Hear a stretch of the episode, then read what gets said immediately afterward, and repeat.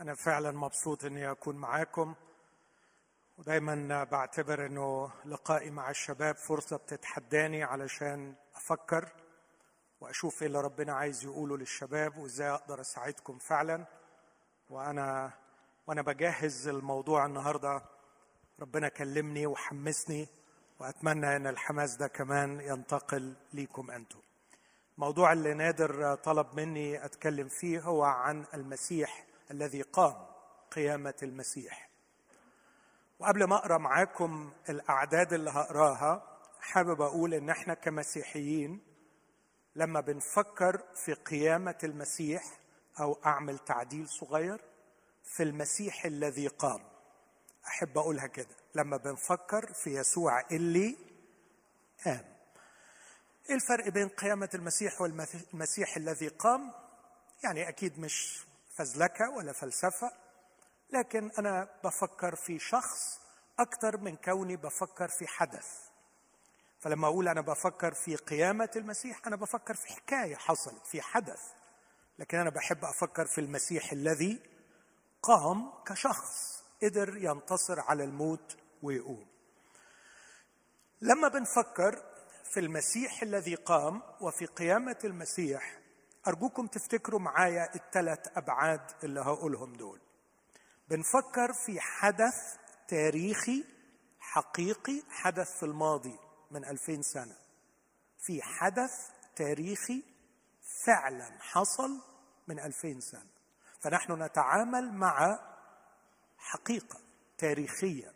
زي ما بنقول مثلا إنه في الستينيات مصر بنت السد العالي.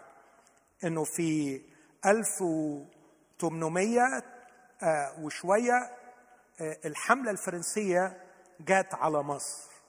آه، لما بنقول إن 1882 إنجلترا احتلت مصر. دي أحداث تاريخية حصلت. من 2000 سنة في أورشليم هناك حدث تاريخي حصل. أن المسيح مات وقام. ولدينا شهود كثيرين شهدوا بحدوث هذا الحدث. البعد الثاني ليس في الماضي لكن في المستقبل. لما بنفكر في قيامة المسيح أو المسيح الذي قام إحنا بنفكر في رجاء الكنيسة عايشة عليه لها ألفين سنة أن المسيح سوف يأتي ثانية. وعندما يأتي ثانية ستحدث قيامة للمؤمنين. في قيامة هتحصل. فنحن ننظر إلى القيامة قيامة المسيح على أنها أسست لرجاء حي سوف يتحقق في المستقبل. يبقى لما بنفكر في المسيح الذي قام والقيامة بشكل عام بنفكر فيما حدث في الماضي كحدث تاريخي تقوم عليه المسيحية لكن كمان بنفكر في رجاء هيتحقق لينا في المستقبل. بين الاثنين الكتاب المقدس يتكلم عن قيامة المسيح باعتبارها قوة مغيرة نختبرها في الحاضر. قوة مغيرة نختبرها في الحاضر. أنا أنصحكم يا شباب أن تهتموا بالقيامة كحدث تاريخي حصل في الماضي. مهمة قوي لأنه عليها بيتبني إيماننا المسيحي. عندنا ناس مؤرخين عملوا رسائل دكتوراه أنفقوا معظم عمرهم علشان يتأكدوا تاريخيا أن القيامة قد حدثت لو عايز تدور وتدرس واحد اسمه مايكل ليكونا من أشهر الناس اللي عملت الدكتوراه بتاعتها في القيامة. واحد اسمه جاري هابرماس الراجل علامة مؤرخ. واحد اسمه توم رايت مؤرخ. ولاهوتي أيضا. الناس دي كتبت كتب كبيرة قوي وتعبوا قوي علشان يبرهنوا للملحد حتى أن هذه الأحداث أحداث أن هذه القيامة حدث تاريخي. ولو بتحب في الفلسفة اقرأ واسمع لويليام لين كريج اللي بيحب يثبت فلسفيا إنه من المستحيل أن تكون القيامة لم تحدث. فالمسيح قد مات وقام. فلو عايز تقرأ لمؤرخين للاهوتيين لفلاسفة أديني قلت أربع أسماء ارجع ودور واطمن وافرح وابني إيمانك على أساس تاريخي صلب أن القيامه فعلا قد حدثت. الحقيقة مش هاخد وقت في التأكيد على ده لكن أقول حاجة اليهودية كرهت المسيحية بشدة وكانت متغاظة منها جدا ويمكن شاول الطرسوسي أكبر مثال على الكراهية الشديدة اللي كانت موجودة في قلوب كتير من اليهود من ناحيه من ناحية الطريق الطريق اللي هو المسيحية. فكانوا بيقتلوهم كانوا بيضربوهم كانوا بيسجنوهم كانوا بيبهدلوهم. بس عايز أقول حاجة. اليهودية كانت تقدر تخلص على المسيحية في أسبوعين. كانت تقدر تدفن المسيحية في أول أسبوعين ليها. وتخلص الحكاية دي كلها وتنجي نفسها من الدوشة دي كلها. تعرف كانوا يعملوا إيه؟ إيه اللي ممكن يعملوه اليهود علشان يقضوا على المسيحية تماما ولا تبقى فيه الدوشة دي كلها؟ حاجة بسيطة خالص. حاجة بسيطة خالص. يطلعوا الجثة. وأعتقد إن كان عندهم كل الإمكانيات السياسية والعسكرية إن هم يقدروا يلاقوا الجثه الراجل مات من أسبوع. الراجل مات من ثلاثة أيام.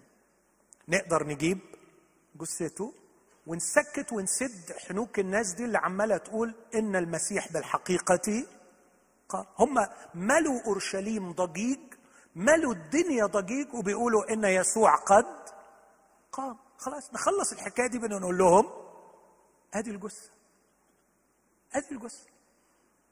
لكن اليهود ما عملوش كده.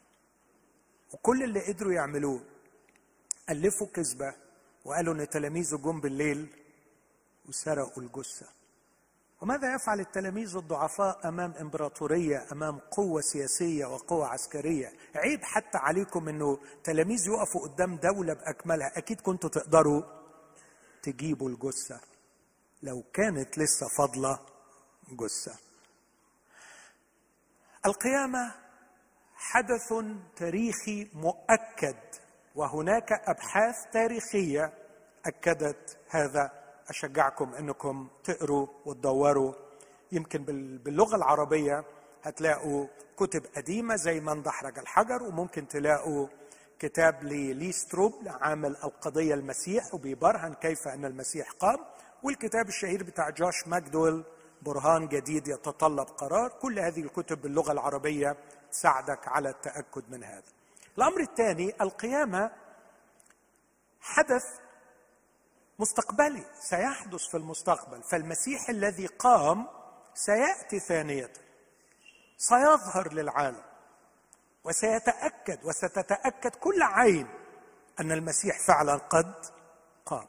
وعندما يأتي المسيح ثانية ستحدث قيامة المؤمنين الذين رقدوا. ونحن الأحياء سوف نتغير. في معجزة قيامة سوف تحدث في المستقبل مبنية على أساس قيامة المسيح التي حدثت في الماضي. وأقول لكم على خبر عجيب شوية. العهد الجديد 260 أصحاح.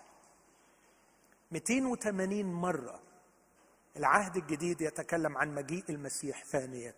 فالمسيح سوف يأتي ثانية وسوف يقيم الأموات وسوف يغير الأحياء فنحن ننتظر معجزة عظيمة سوف تحدث في المستقبل. وبالتالي لو حبينا نقول إنه الحقائق المسيحية تقاس قوتها بكثرة ما ذكر عنها في العهد الجديد فما فيش حقيقة في العهد الجديد تضاهي حقيقة مجيء المسيح ثانيا. سوف يأتي.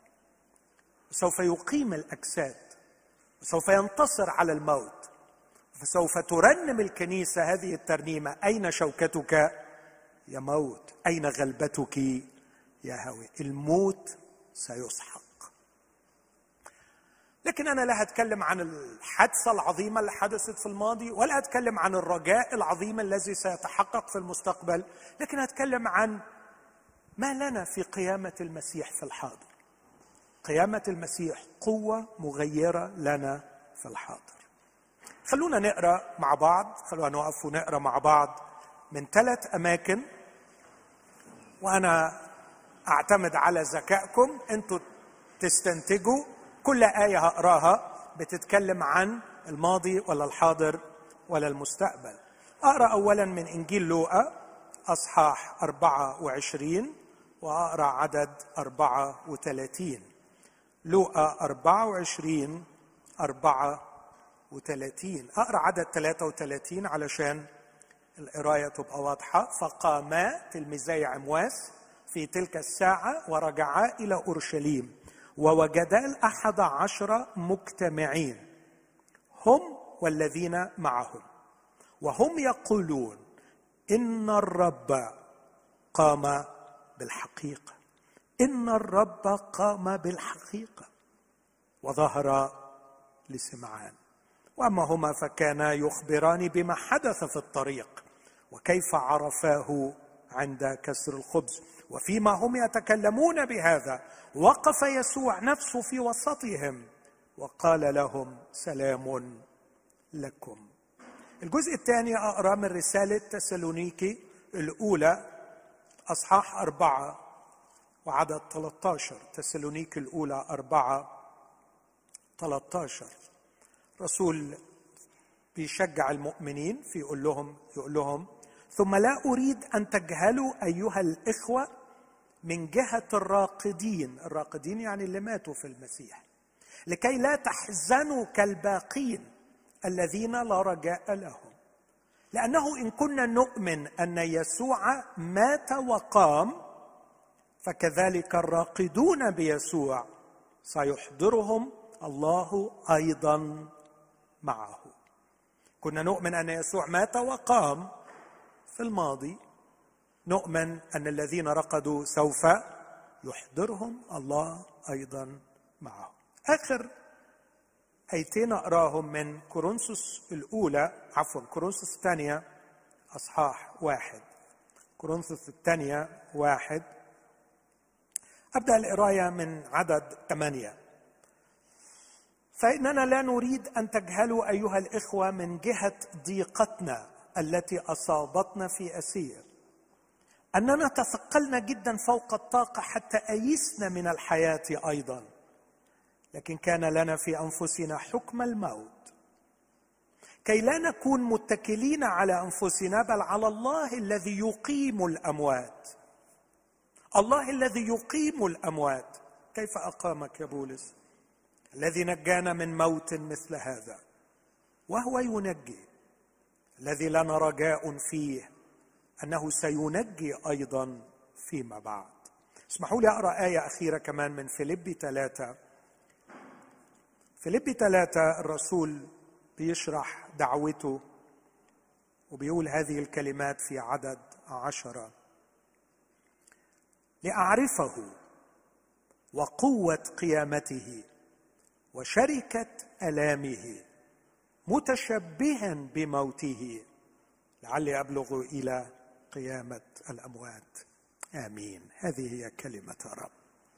أعتقد لاحظتم طبعا أنا جبت عينة واحدة لكن في آيات كتير قوي بتتكلم أن الرب الحقيقة قام عن الحدث وآيات بتتكلم عن القيامة التي ستحدث لكن أنا قريت آيتين في كورنثوس الثانية واحد وفي فيليب ثلاثة بيتكلموا عن اختبار قوة القيامة. الآن. واحدة بخصوص حياتنا أقدر أقول النفسية. حياتنا وظروفنا الحاضرة. وكأننا نختبر الموت في ظروفنا الحاضرة. بولس بيقول خدتوا بالكم الكلمات اللي بيقولها لو ممكن تجيب لي من فضلك النص تاني كورنثوس الثانية واحد ابتداء من عدد ثمانية. بيقول إن إحنا دخلنا في ظروف وصلته حد فاكر التعبير؟ حتى آيسنا من الحياة أيضا. هل في حد شاعر بحاجة زي كده؟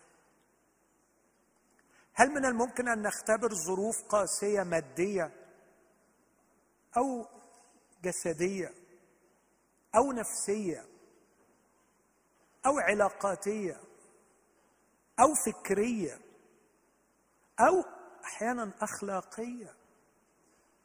تصل بنا إلى الحد أننا نيأس من الحياة أيضا. لو كنت وصلت لكده أرجوك أوعى تستذنب نفسك. أوعى تشعر بالذنب وتقول أنا مؤمن أي كلام. على فكرة life is الحياة قاسية. الحياة صعبة. إذا كنت متصور أن إيمانك بالمسيح سيجعل الحياة سهلة ووردية أرجوك تفوق من الوهم ده. الإيمان بالمسيح يجعلني أجيد التعامل مع الحياة الصعبة لكنه لا يحول الحياة إلى حياة سهلة. الإيمان بالمسيح لا يجعل حياتي وردية لكن الإيمان بالمسيح يغيرني ويقويني ويدعمني ويجعلني كف بقوته وبمعونته أن أتعامل مع ضيق الحياة صعوبة الحياة ظلم الحياة قسوة الحياة شر الحياة. أبنائي أرجوكم تتذكروا اللي بقوله لكم ده. في كل شارع وفي كل يوم ستواجهوا حياة سخيفة صعبة صعبة. لكن اوعوا تيأسوا وأوعوا تفشلوا. وهنا يظهر معدن إيمانكم بالمسيح. هل إيمانك بالمسيح هو اللي بيشغلك ساعة في اجتماع الشباب ترنم وتتبسط؟ ولا إيمانك بالمسيح هو اللي هيشغلك في الشارع بره ويخليك تعرف تواجه الموت اللي بتقابله؟ هل هتستدعي المسيح بقوة قيامته في مختلف الظروف اللي هتواجهها؟ ولا المسيح أستدعيه فقط لما بروح الكنيسة وأرنم وأتعزى؟ يسوع متاح بقوة القيامة. يسوع متاح بقوته التي غلبت الموت وقهرته. متاح لاستدعائك لي عندما تموت العلاقات. وتقول له أريد أن أختبر قوة القيامة في علاقاتي التي ماتت. يسوع متاح أن تستدعيه بقوة قيامته في الفكر الذي مات الحيرة الرهيبة مش قادر تفكر. يسوع متاح أن تستدعيه بقوة قيامته في الظروف الصعبة القاسية جدا عندما يحيط بك ضيق من كل جانب. يسوع متاح بقوة القيامة. بولس بيقول أنا اختبرت ضيق. جعلني أتثقل فوق الطاقة. حتى أيسنا ده مين اللي بيكتب الكلام ده؟ بولس. بولس بيقول أيسنا من الحياة أيضا. بعدين يقول لكن كان لنا في أنفسنا هات لنا النص حبيبي حكم الموت. يعني إيه حكم الموت؟ يعني أعتبرت نفسي في حال الموت. بس وأنا في حال الموت لم أستسلم للموت ولم أتكل على نفسي لأني لا أستطيع أن أخرج من الموت لكن اتكلت على الله الذي رايته في القبر الفارغ قبر يسوع الله الذي يقيم الأموات ووضعت ثقتي في الله الذي يستطيع أن يعمل في حالة الموت واختبرته ورأيت قوته وكانت النتيجة أنه اختبر الكلمات التالية الذي الله ما خيبش رجاؤه الذي نجانا من موت مثل هذا. وهو ينجي. الذي لنا رجاء فيه أنه سينجي أيضا فيما بعد. لقد استدعى قوة القيامة وهو في حالة الموت. فاختبر. اختبر أن الله يأتي بقوته ويخلي واحد يأسان وحاسس إنه كل حاجة ضاعت. يخليه يقوم من جديد. بيقول هذا هو الله الذي يقيم الأموات. وعشان كده بولس عاش كل حياته يقول الكلمات بتاعت فيليب 13 لأعرفه وقوة قيامته يا رب أريد أن أختبر قوة قيامتك. أمين؟ أريد أن أختبر قوة قيامتك. قوة قيامتك في حياتي التي دهسها الموت. في حياتي التي ساد عليها الموت. لكن خلوني أكون أكثر تحديدا وأنا بقول لكم إنه في ثلاث نقاط رئيسية في الحياة محتاجين مش إحنا محتاجين كتاب اتكلم عن اختبار قوة القيامة وإحنا محتاجين نصدق الكلام ده ونآمن بيه ونعيشه النقطة الأولى هي نقطة اللي بنسميها الكونفرجن أو التحول يوم ما جيت للمسيح. في معجزة بتحصل. المسيح الذي قام يطلق قوة القيامة فيك علشان يعمل نقلة من إنك ميت بالذنوب والخطايا إلى ابن لله. دي النقطة الأولى. النقطة الثانية انت محتاج تختبر قوة القيامة في حياتك العادية وظروفك العادية المختلفة كل يوم. والحاجة الثالثه انت محتاج تختبر قوة القيامة في دعوة المسيح على حياتك. المسيح دعيك علشان تعمل شيء في هذه الحياة وتحقق شيء في هذه الحياة.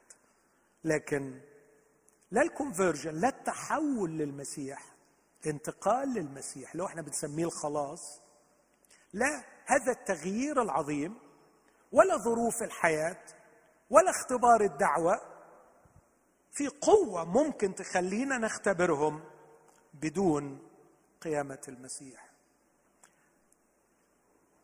النقطة الأولى الرسول شرحها في رسالة أفسس أصحاح اثنين. اسمعوا النص ده من فضلكم. فصح واحد هو كان بيقول أنا بصلي لكم يا مؤمنين لكي تعرفوا ما هي عظمة قدرته الفائقة من نحونا نحن المؤمنين. خدوا العبارة دي وفكروا فيها. يعني لو ترجمت الآية دي ترجمة عامية أقول إيه؟ يعني أنا بصلي لكم عشان تعرفوا ربنا جامد قد إيه وقد إيه القوة بتاعته اللي ممكن يديها لكم أنتم المؤمنين. ما هي عظمة قدرته الفائقة من نحونا نحن المؤمنين. قد إيه ربنا عنده قوة ممكن يديها لكم. لو واحد سمع الكلام ده يقول أوكي أنا عايز أختبر هذه القوة في مثلا إن أنا آه، أكسر الدنيا أعمل حاجات ما حصلتش. بس بولس راح شرح في أصحاح اثنين قال إن القوة دي ظهرت في ثلاث حاجات وبرضه عايزكم تتعبوا وتدرسوا الكلام ده. ونحن القوة دي ظهرت في يسوع بأنها أقامته من الأموات. وظهرت فينا إحنا إزاي؟ ونحن. إذ كنا أموات بالذنوب والخطايا صح اثنين عدد واحد. وإحنا أموات بالذنوب والخطايا التي سلكنا فيها قبلا حسب ظهر هذا العالم حسب رئيس سلطان الهواء عاملين مشيئات الجسد والأفكار أحيانا وأقامنا مع المسيح. لو فكرتوا في الثلاث حاجات دول هتلاقيهم كالآتي. إن قوة قيامة المسيح حررتني من ضغط الأقران من البير بريشر إن قوة قيامة المسيح حررتني أو عظمة قدرة الله الفائقة اللي ظهرت في يسوع في القيامة بتشتغل من ناحيتي أنا كمان عشان تحررني من سلطان إبليس. وكمان هذه القوة بتحررني من رغبات الجسد ومشيئات الجسد والأفكار. أنا أعتقد ان ال conversion الحقيقي أو الانتقال الحقيقي من العالم إلى المسيح لكي تكون مسيح حقيقي أنت محتاج ما يبقاش مضغوط عليك بحيث إنك عايش حياتك زي ما الناس عايشة زي ما الشباب عايز زي ما ال social media بتقول ضغط الأقران حسب دهر هذا العالم زي ما الناس عايشة. محتاج تبقى حر شوية محتاج تتخلع من الضغط الرهيب عليك إنك تعمل اللي الناس بتعمله وتعيش زي ما الناس عايشة وتقول اللي الناس بتقوله الضغط المرعب ده ما تقدرش تطلع منه إلا إذا أقامك المسيح. نحتاج لقوة قيامة المسيح للحرية من ضغط الأقران من البير بريشر ونحتاج لقوة قيامة المسيح لكي نتحرر من رئيس سلطان الهواء لأن إبليس عنده سلطة مرعبة وما نقدرش نتحرر منها بقدرتنا. نحتاج قوة قيامة المسيح. وكمان نحتاج لأنه رغائب الجسد عندي ومشيئات الجسد والأفكار صعبة جدا وبتسيطر علي مفيش قوة تخلعني منها إلا قوة قيامة المسيح. هذا ما يقوله الكتاب المقدس. لكن بعد ما اختبرت الرجوع لله وبعد ما اختبرت العيشة معاه وبختبر الحرية من الثلاث أشياء دول العالم بضغط أقرانه وإبليس بسلطانه على الأفكار والجسد بتاعي بقدرته على إنه يسحقني بختبر قوة القيامة في المجالات الثلاثه دي. بعد كده في ظروف الحياة العادية من ضيقات واضطهادات ممكن توصلني للنص اللي قريته في كورنثوس الثانية واحد إن بيأس من الحياة أيضا لكن الله يقيمني. أعتقد أن المجال هنا مجال نفسي وليس مجال أخلاقي روحي. في حياتنا النفسية تحت ضغط الحياة افتكر أن يسوع قام من الأموات وقول له يا من قهرت الموت وقمت. أنا في ظروفي النفسية الحالية في حكم الموت لكني متكل على الذي يقيم من الأموات. أقمني يا يسوع أقمني. والأمر الثالث كما أشرت في فيليبي ثلاثة وال أنا مش عايز أفضل مكاني أعمل اللي أنا بعمله أو اللي الناس عايزاني أعمله. أنا عايز أختبر دعوتك في حياتي. ولست أحسب نفسي أني قد نلت أو أدركت. لكن مشتاق إنك تقودني إلى دعوتك لحياتي. بولس بيقول علشان أوصل للدعوة دي لأعرفه وقوة قيامتي. أحتاج قوة قيامة المسيح لتقودني لاختبار دعوة الله لحياتي. دي المجالات اللي ممكن نختبر فيها قوة الله لحياتنا. وبعيد عنها أعتقد أن إحنا هنكون يائسين جزء من عالم يائس. هنكون مكسورين. جزء من عالم مكسور. العالم حوالينا مكسور ويائس ومحتار. وإذا لم نختبر قوة القيامة هنبقى زينا زي العالم. فترة بسيطة قابلت شاب بحبه قوي غالي عليا في مثل سنكم أو سن معظمكم. ولقيته مكتئب. بقول له شكلك مكتئب. مالك؟ فرد عليا كده وكان جاهز قوي بالرد. قال لي there is nothing good to look forward. There is nothing good in me. I'm not doing my responsibilities. لا شيء جيد أتطلع إليه. مفيش حاجة حلوة مستنيها. ومفيش حاجة عدلة جوايا. وأنا ما بعملش اللي عليا. مش عايزني أكون مكتئب. أول ما سمعته بيقول الكلمات دي قلت يا أنت تحتاج إلى القيامة. أنت تحتاج إلى القيامة. والليلة أنا فعلا على قلبي أخاطب أي حد عنده المشاعر دي. مفيش حاجة حلوة مستنيها في الدنيا. مفيش حاجة عدلة جوايا. وأنا مش عامل اللي عليا. لو أنت في الوضع ده أنا بشجعك تطلب من الرب إنه يفتح عينيك على منظر مأساوي يوم الجمعة. المسيح مات. والراجعين من عند الصليب كانوا يقرعون صدورهم. والكل يقول كنا نرجو أنه هو المزمع أن يفدي إسرائيل. لقد مات الرجاء مات كل شيء. ضاع الأمل. عشنا سنين جميلة بنختبر فيها أشياء حلوة وتوقعنا أن الأمور ستعلو وتعلو وتصل إلى قمتها بحالة نصره غير عادية وملك المسيح. لكن للأسف كل شيء اتدمر. يسوع مات. وشفناه بعينينا وهو بيموت. وانتهى الرجاء. ويسوع دفن. وساد الصمت. وليس علينا إلا أن نرجع إلى بيوتنا خائبين. فضوها خلاص. ما فيش تاني شركة مؤمنين. ما فيش تلاميذ هيقعدوا مع بعض لأنه ما فيش معلم. ما فيش كرازة لأنه ما فيش الشخص اللي بنكرز بيه. لقد قتلوه. لقد مات. لكن أحبائي هذا المشهد الكئيب البائس الذي انتهى به يوم الجمعة. تغير بشكل رهيب رهيب في فجر الأحد. أتاري القصة ليها وجه تاني. يسوع اتكلم عنه مرة ومرات بس ما حدش كان مصدق. سبع مرات في الأناجيل قال لهم هموت. لكن في اليوم الثالث سأقوم. بس كان صعب التصديق. ما شفناش حد بيموت وبيقوم. صعب صعب. صعب إن إحنا نقبل إن أنت كمان تموت وتقوم. لكن هذا ما حدث. قام المسيح وتغير كل شيء. وبدأت رحلة المسيحية من قبر فارغ يعلن نصرة المسيح على الموت وهذا ما يقدمه المسيح. أنا ما فيش حاجة حلوة مستنيها وما فيش حاجة عدلة جوايا وما بعملش اللي عليا. خليني أقول لك كلمة لكل واحدة من الثلاثه دول. ما فيش حاجة حلوة استناها. على فكرة لو ما كانش في حاجة حلوة ممكن تتحقق في التاريخ البشري ما كانش يسوع دخل ومات وقام. كون يسوع يدخل إلى التاريخ البشري ويموت ويقوم. يبقى يسوع فاهم كويس إنه هيعمل حاجة حلوة في التاريخ البشري. وهيعمل حاجة حلوة في الناس اللي هيقبلوه. وفعلا التاريخ بيشهد إنه عمل كده. لا في حاجة حلوة هتحصل. في شيء عظيم بيتحقق.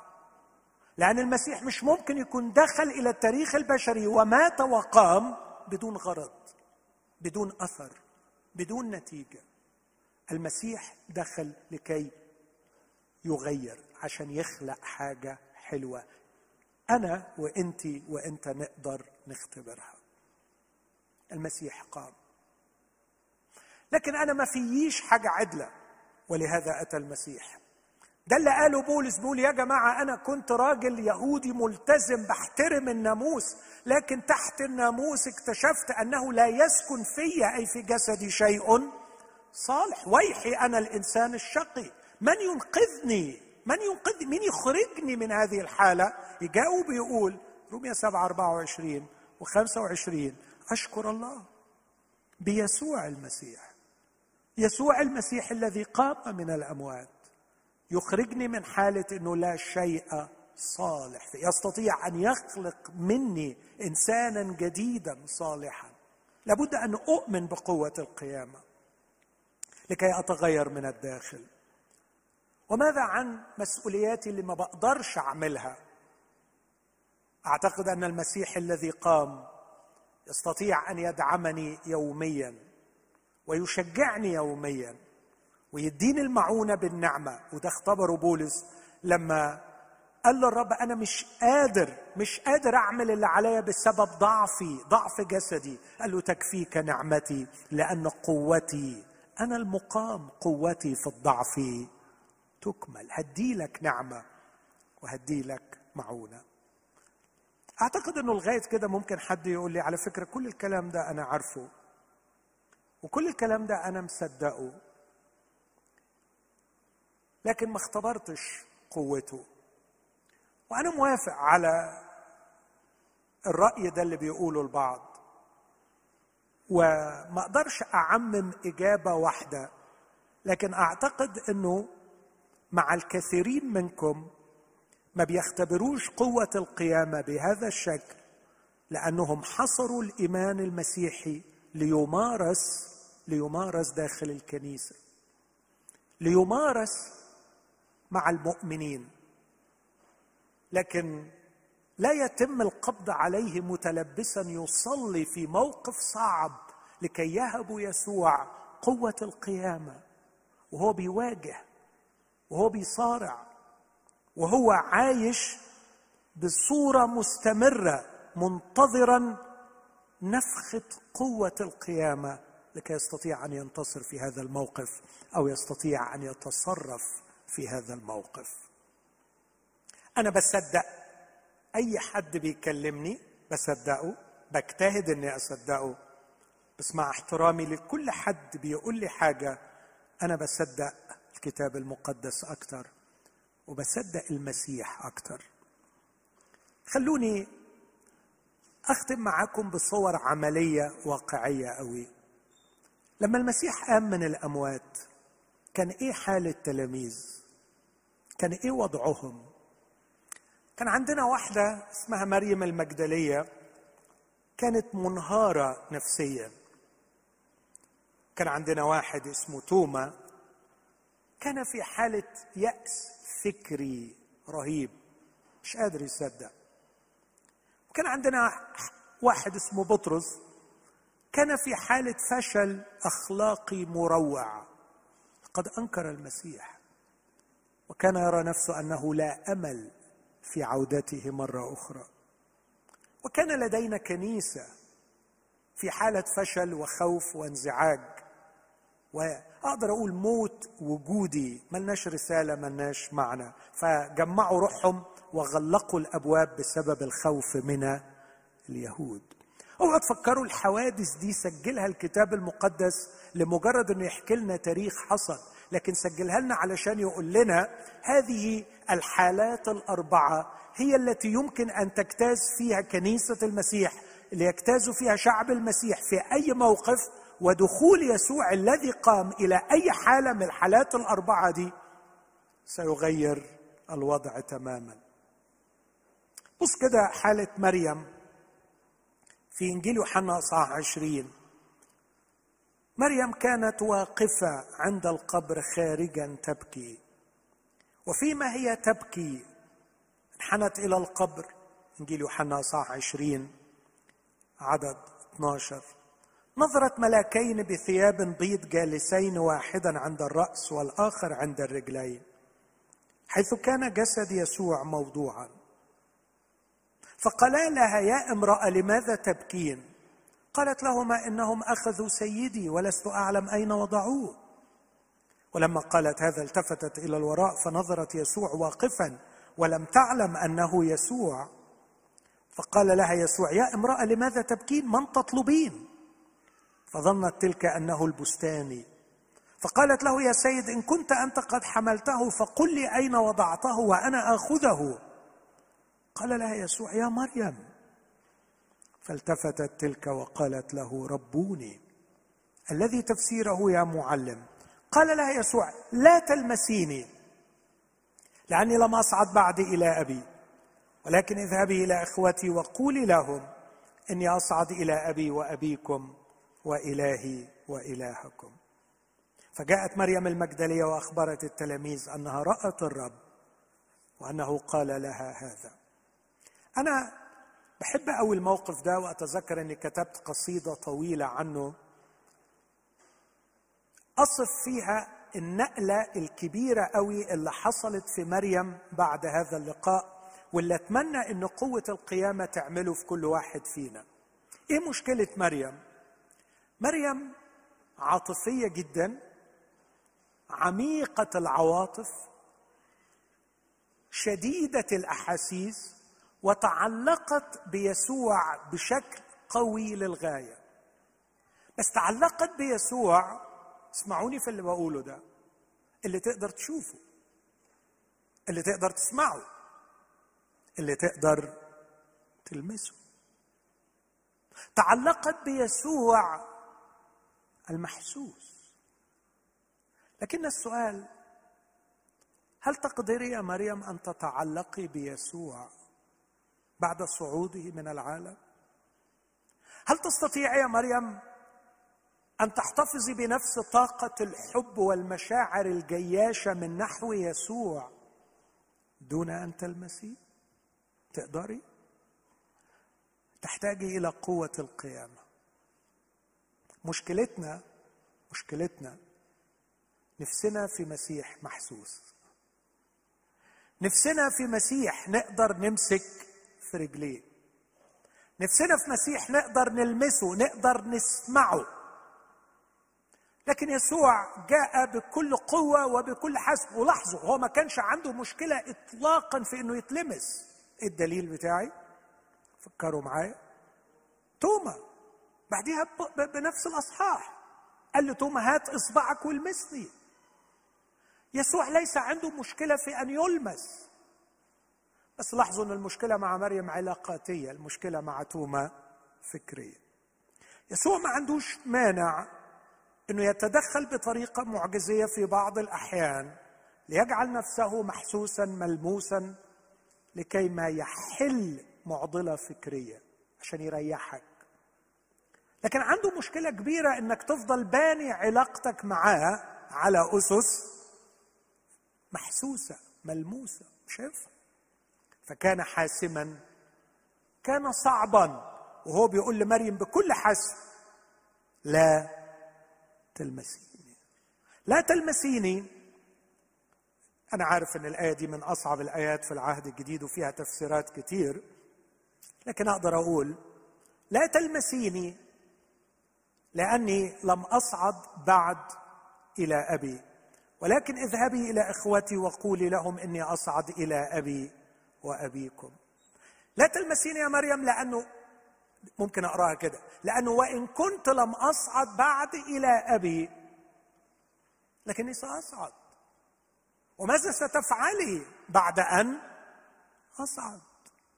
مريم لا تلمسيني لأني آه وإن كنت لم أصعد بعد إلى أبي لكني حتما سوف أصعد. اذهبي قولي لإخوتي إني سوف أصعد ولن أكون موجودا متاحا ليدك لكي تلمسني.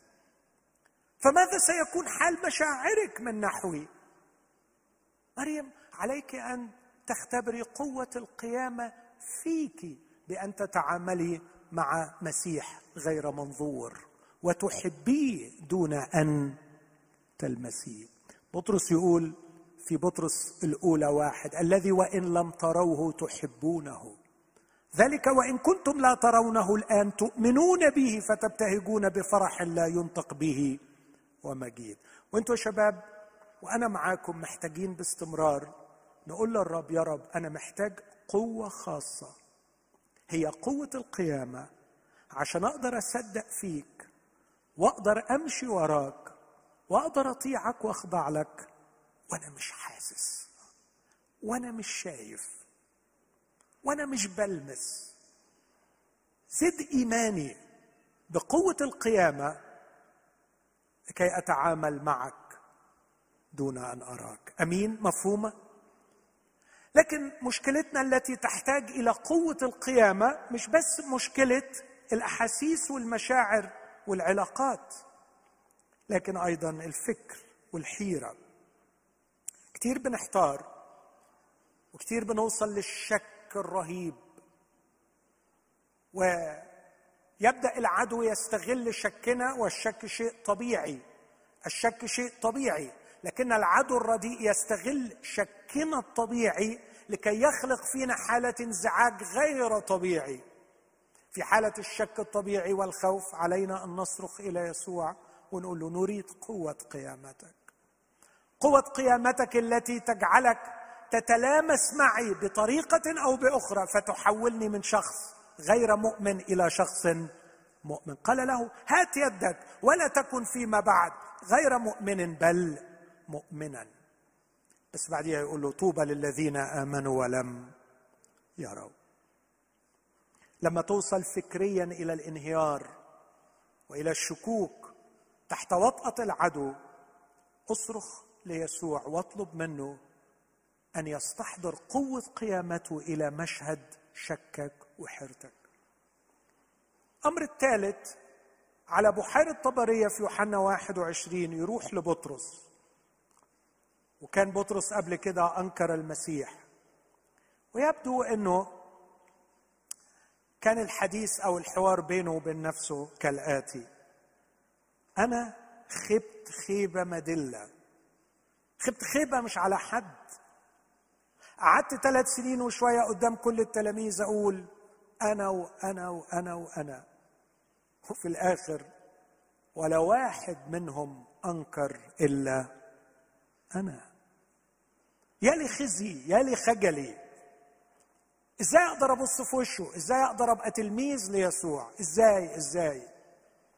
كان في حالة فشل رهيب بس التلاميذ لسه ملمومين حواليه. قال لهم بصوا يا جماعة هو اختارني من زمان وقال أجعلك صياد الناس بس أنا ما ينفعش اطلاقا.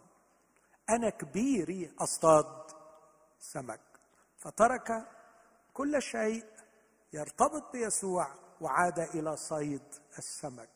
لكن في تلك الليلة تعب وتعب وتعب ولم يمسك شيئا. في الصبح جالهم يسوع يا بطرس يلي هربان من المدرسة يلي هربان من التلمذة. بطرس يا من خبت وقلت أنا ما انفعش وبالكثير أنفع أصطاد سمك. أديك بتختبر في نفسك خيبة جديدة. لا أنت عارف تبقى تلميذ ولا حتى عارف تصطاد سمك. بس عايز أقول لك في مشهد خيبتك أستطيع أن أظهر قوة قيامتي. القي على جانب السفينة الأيمن. فألقوا. فكادت الشبكة كانت الشبكة ثقيلة من كثرة السمك الذي أمسكه. ولما رفعوا الشبكة بطرس ما قدرش يستنى فقفز في المياه عريانا وذهب إلى يسوع. وعلى بحيرة طبرية يسوع يقول له أجمل حديث يا سمعان ابن يونا أتحبني؟ وأنا يتهيألي كان سمعان متوقع حديث مختلف خالص. كان سمعان متوقع حديث أنت ليه أنكرتني؟ أنت إيه أسباب الإنكار؟ وإزاي نعالج أسباب الإنكار؟ وإزاي نأمنك عشان ما تقعش تاني؟ لكن يسوع ما سألش على القصص دي كلها ولا جاب سيرة الإنكار. لكن يسوع سأل سؤال واحد. أنت بتحبني؟ أنت بتحبني؟ وكأنه عايز يقول لكل واحد فشلان من نفسه لأنه وقع وغلط. أنا مش هسألك أنت غلطت قد إيه ولا غلطت كم مرة ولا ليه غلطت. سيبك من ده كله. أنا اسالك سؤال واحد. أنت بتحبني؟ لو كنت بتحبني هنحل المشاكل دي. لكن لو مش بتحبني حتى لو ما غلطتش أنت في مشكلة كبيرة جدا. اللي يفرق معايا سؤال واحد هو انت بتحبني؟ يا سمعاني بنونا اتحبني وبطرس قال له بص أنا بعد اللي حصل مني متلخبط في نفسي. لكن عايز أقول لك حاجة أنت تعلم كل شيء. أنت تعلم أني أحبك. هي دي الحاجة الوحيدة اللي فضل لي إن أنا بحبك. أنا بحبك فعلا. قال له ارعى غنم ما تقولش الهم. ما دام بتحبني هعالجك وهوقفك على حيلك من جديد وهغفر لك وهمسك بإيدك وهرجعك لخدمتك وارجعك تاني تبقى الأول ترعى غنمي وتطعم حملاني. يا شباب أنا نفسي فعلا الروح القدس يسأل كل واحد فيكم السؤال ده. أنت فعلا فعلا بتحب يسوع؟ فعلا بتحبيه؟ أنا مش هسألك السؤال ده تجاوبيه وأنت في الكنيسة وأنت في الاجتماع لكن بينك وبين نفسك في غرفتك لوحدك في مكانك الخفي اللي محدش شايفك فيه أنت مع نفسك أنت بتحب يسوع فعلا؟ في مودة بينك وبين يسوع. لو يسوع بص في عينيك وقال لك لو يعني طب عليك في الأوضة بتاعتك وسألك ف... انت بتحبني حقيقي؟ أرجوك أوعى تفهم السؤال بيقول لك أنت بتحب الكنيسة؟ أنت بتحب المؤتمرات؟ أنت بتحب الخدمة؟ أنت بتحب المؤمنين؟ أنت بتحب الكامبس؟ لا. هو بيقول لك أنت بتحبني أنا؟ لو فعلا جواك حب حقيقي ليسوع هتختبر قوة القيامة. وده اللي حصل مع بطرس. أخيرا ما ظهر للتلاميذ كلهم في يوحنا عشرين وكانوا خايفين. نفخ وقال لهم اقبلوا الروح القدس. كما أرسلني الآب أرسلكم أنا. وأنا أعتقد أنه علشان نقدر نتمم إرساليتنا للعالم إحنا محتاجين لهذه النفخة محتاجين للإرسالية وقوة القيامة معاها لو هنروح نتمم إرساليتنا بدون قوة القيامة سنفشل. نحتاج إلى يسوع الذي قام لكي نتمم رسالتنا. لما الشاب ده قال لي الثلاث كلمات دول افتكرت قصيدة كان كتبها عبد الرحمن الأبنودي وغناها مروان خوري. ولقيت إن الرسالة بتاعت الأغنية دي أو القصيدة دي بتعبر عن كل واحد من الشباب في الأيام بتاعتنا. وأنا هقرأ لكم منها حتة وأرجوكم أرجوكم فكروا في قيامة المسيح اللي تطلعكم من حالة بائسة بهذا الشكل. بيقول بنلف في دواير والدنيا بتلف بينا. ودايما ننتهي لمطرح ما ابتدينا طيور الفجر تايهه في عتمة المدينة بتدور. ما بنكتبش الرسائل وما بننتظرش رد. حالة بائسة من العلاقات الفاشلة السطحية جدا بسبب ال social media. ما بنكتبش رسائل ما بننتظرش رد. لحد في يوم سمعنا ولا بنسمع حد. طيور العمر تايهه في عتمة المدينة بتدور. ساكنين في عالم يعشق الخطر فيه الطيور تهرب من الشجر تهرب النجوم من القمر وتهرب الوجوه من الصور. بنلف في دواير ندور على الأمان وتلاقينا رجعنا تاني لنفس المكان. نحلم ونحلم بالحياة المفرحة وأتاري أحلامنا بلا أجنحة. ندور ندور ندور. بجناح حزين مكسور. ساعات نشوف في العتمة وساعات نتوه في النور. ساعات عيوننا بالأسى تفرح. ساعات في ساعة الفرح ننوح. لا حاضر ولا ماضي. تروس بتلف على الفاضي. لا فينا شباب زعلان أبثي ولا فينا شباب راضي. أنا بتعجب من قدرة هذا الرجل على رصد الحالة وأنا بقول هي دي الحالة. اللي فيها كتير من الشباب لكن هي دي الحالة اللي يسوع مستعد أنه يدخل فيها وينفخ نفخة القيامة. وقف يسوع في الوسط وقال لهم سلام لكم. ولما قال هذا نفخ وقال لهم اقبلوا الروح القدس. خلونا نقف مع بعض. خلونا نقف. وهطلب منكم نصلي من أجل ثلاث قضايا. أشعر إنكم محتاجين وأنا معاكم لقوة قيامة المسيح فيهم.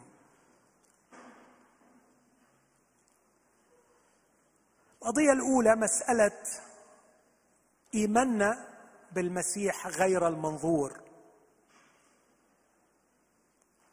ما زلنا بنلف وبندور وعايزين مسيح محسوس منظور.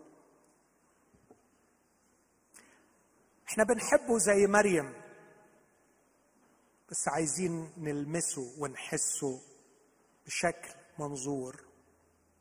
لكن يسوع عنده رأي تاني. يسوع عايزنا نحبه من غير ما نشوفه. عايزنا نسلك بالإيمان وليس بالعيان. إيه الحكمة؟ لو وصلنا ان إحنا نحبه من غير ما نشوفه هي دي الكيانات الراقية القادرة على أن تساكنوا إلى الأبد. هناك من آمنوا لأنهم رأوا فلم يأت منهم على نفسه. مريم لا تلمسيني. لا تلمسيني. ابدأي تعودي.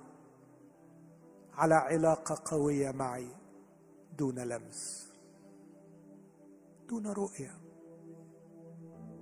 أنا عارف إن ده صعب صعب جدا. ارفع قلبك معايا وقول له نفسي نفسي أمتلئ بالإحساس بيك بحضورك حتى وأنا مش شايفك.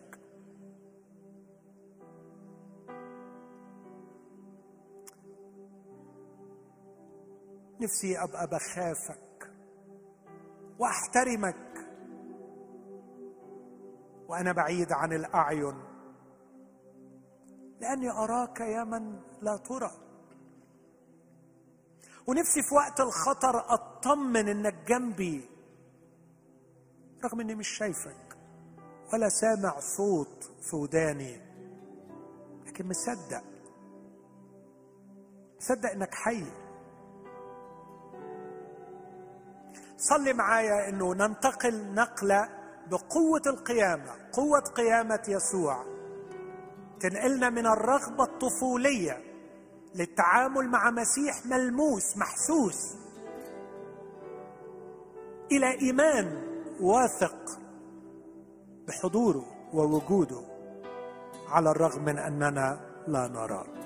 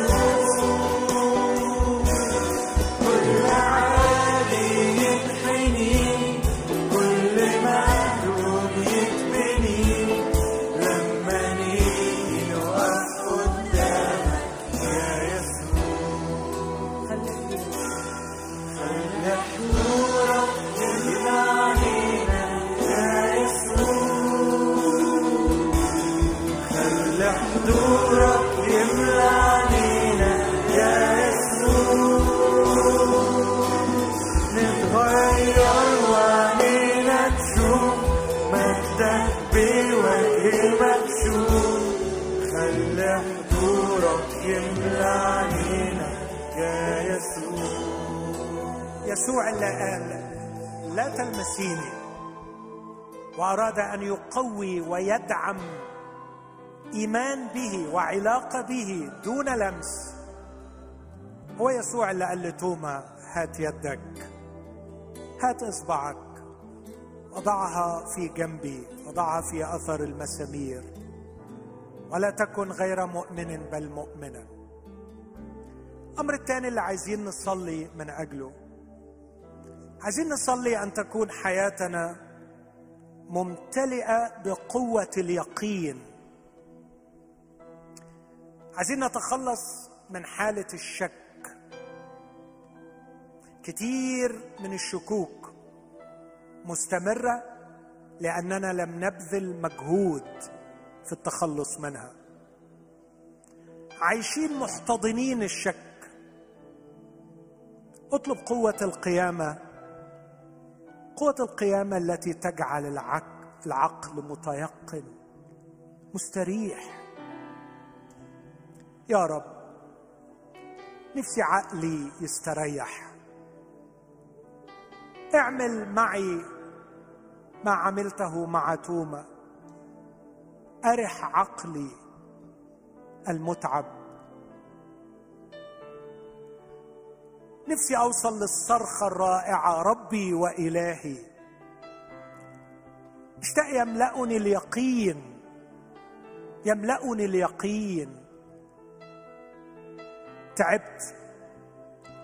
تعبت من مسك العصاية من النص. اشتاق. اشتاق لعمل تعمله معايا. يخرجني من حالة الشك والحيرة والتردد. ليقين ثابت أنك ربي وإلهي. يسوع الذي قام. وذهب لمريم. هو الذي ذهب لتوما أيضا. إن كان الضعف في منطقة علاقتك به أو في عقلك المحتار يسوع الذي قام استعد يغير الوضع. أنت مشتاق؟ أنت مشتاقة؟ عندك استعداد تخرج والظلام باقي باحثا عن يسوع؟ عندك استعداد تقرأ وتتعب وتجتهد وتنتظر إجابة على شكوكك وتساؤلاتك؟ ولا كل اللي بتعمله إنك بتعلق القضية وبتسيبها وبتمشي وبتنشغل في حياتك؟ خلي النهارده نهاية لليل الشك. واطلب منه زيارة. زيارة. تعالج عقلك. اللي تعب من الحيرة والسؤال. خلونا نصلي من أجل العقول المحتارة. ارسل شفاءك لهذه العقول أيها السيد. اشفق على ضعفنا. اغفر لنا ترددنا وشكنا. وتعطف وتحنن علينا. وقم بزيارة خاصة لكل عقل محتار متشكك وبخنا وشجعنا واشفينا. واجعلنا في النهاية نقول مع توما ربي وإلهي.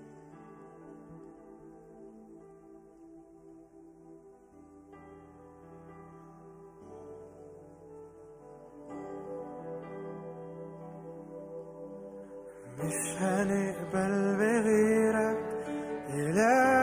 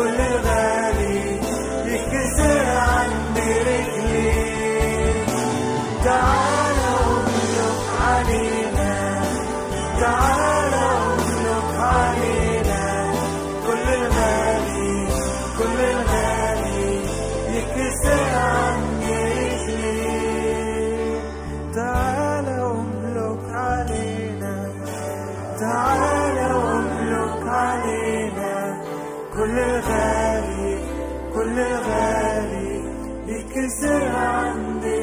رجلي العالم من حواليكم الشباب اللي معاكم بيلفوا في دواير بيلفوا في دواير وبينتهوا مطرح ما ابتدوا.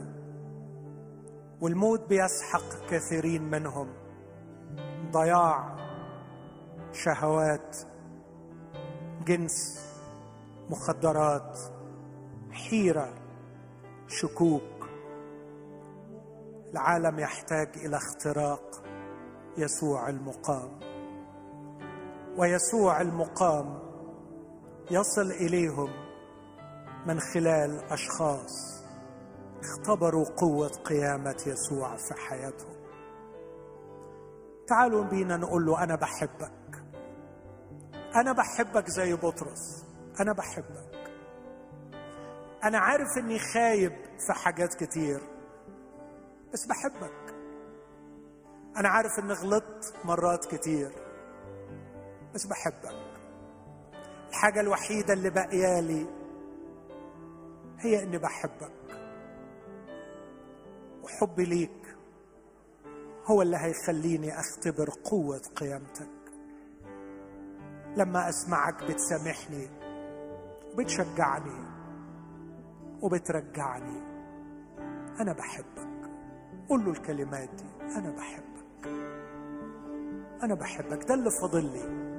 وإذا كنت مش شايف إنك بتحبه أرجوك ما تكذبش. قول له علمني إزاي أحبك. خليني أختبر حبك ليا علشان أقدر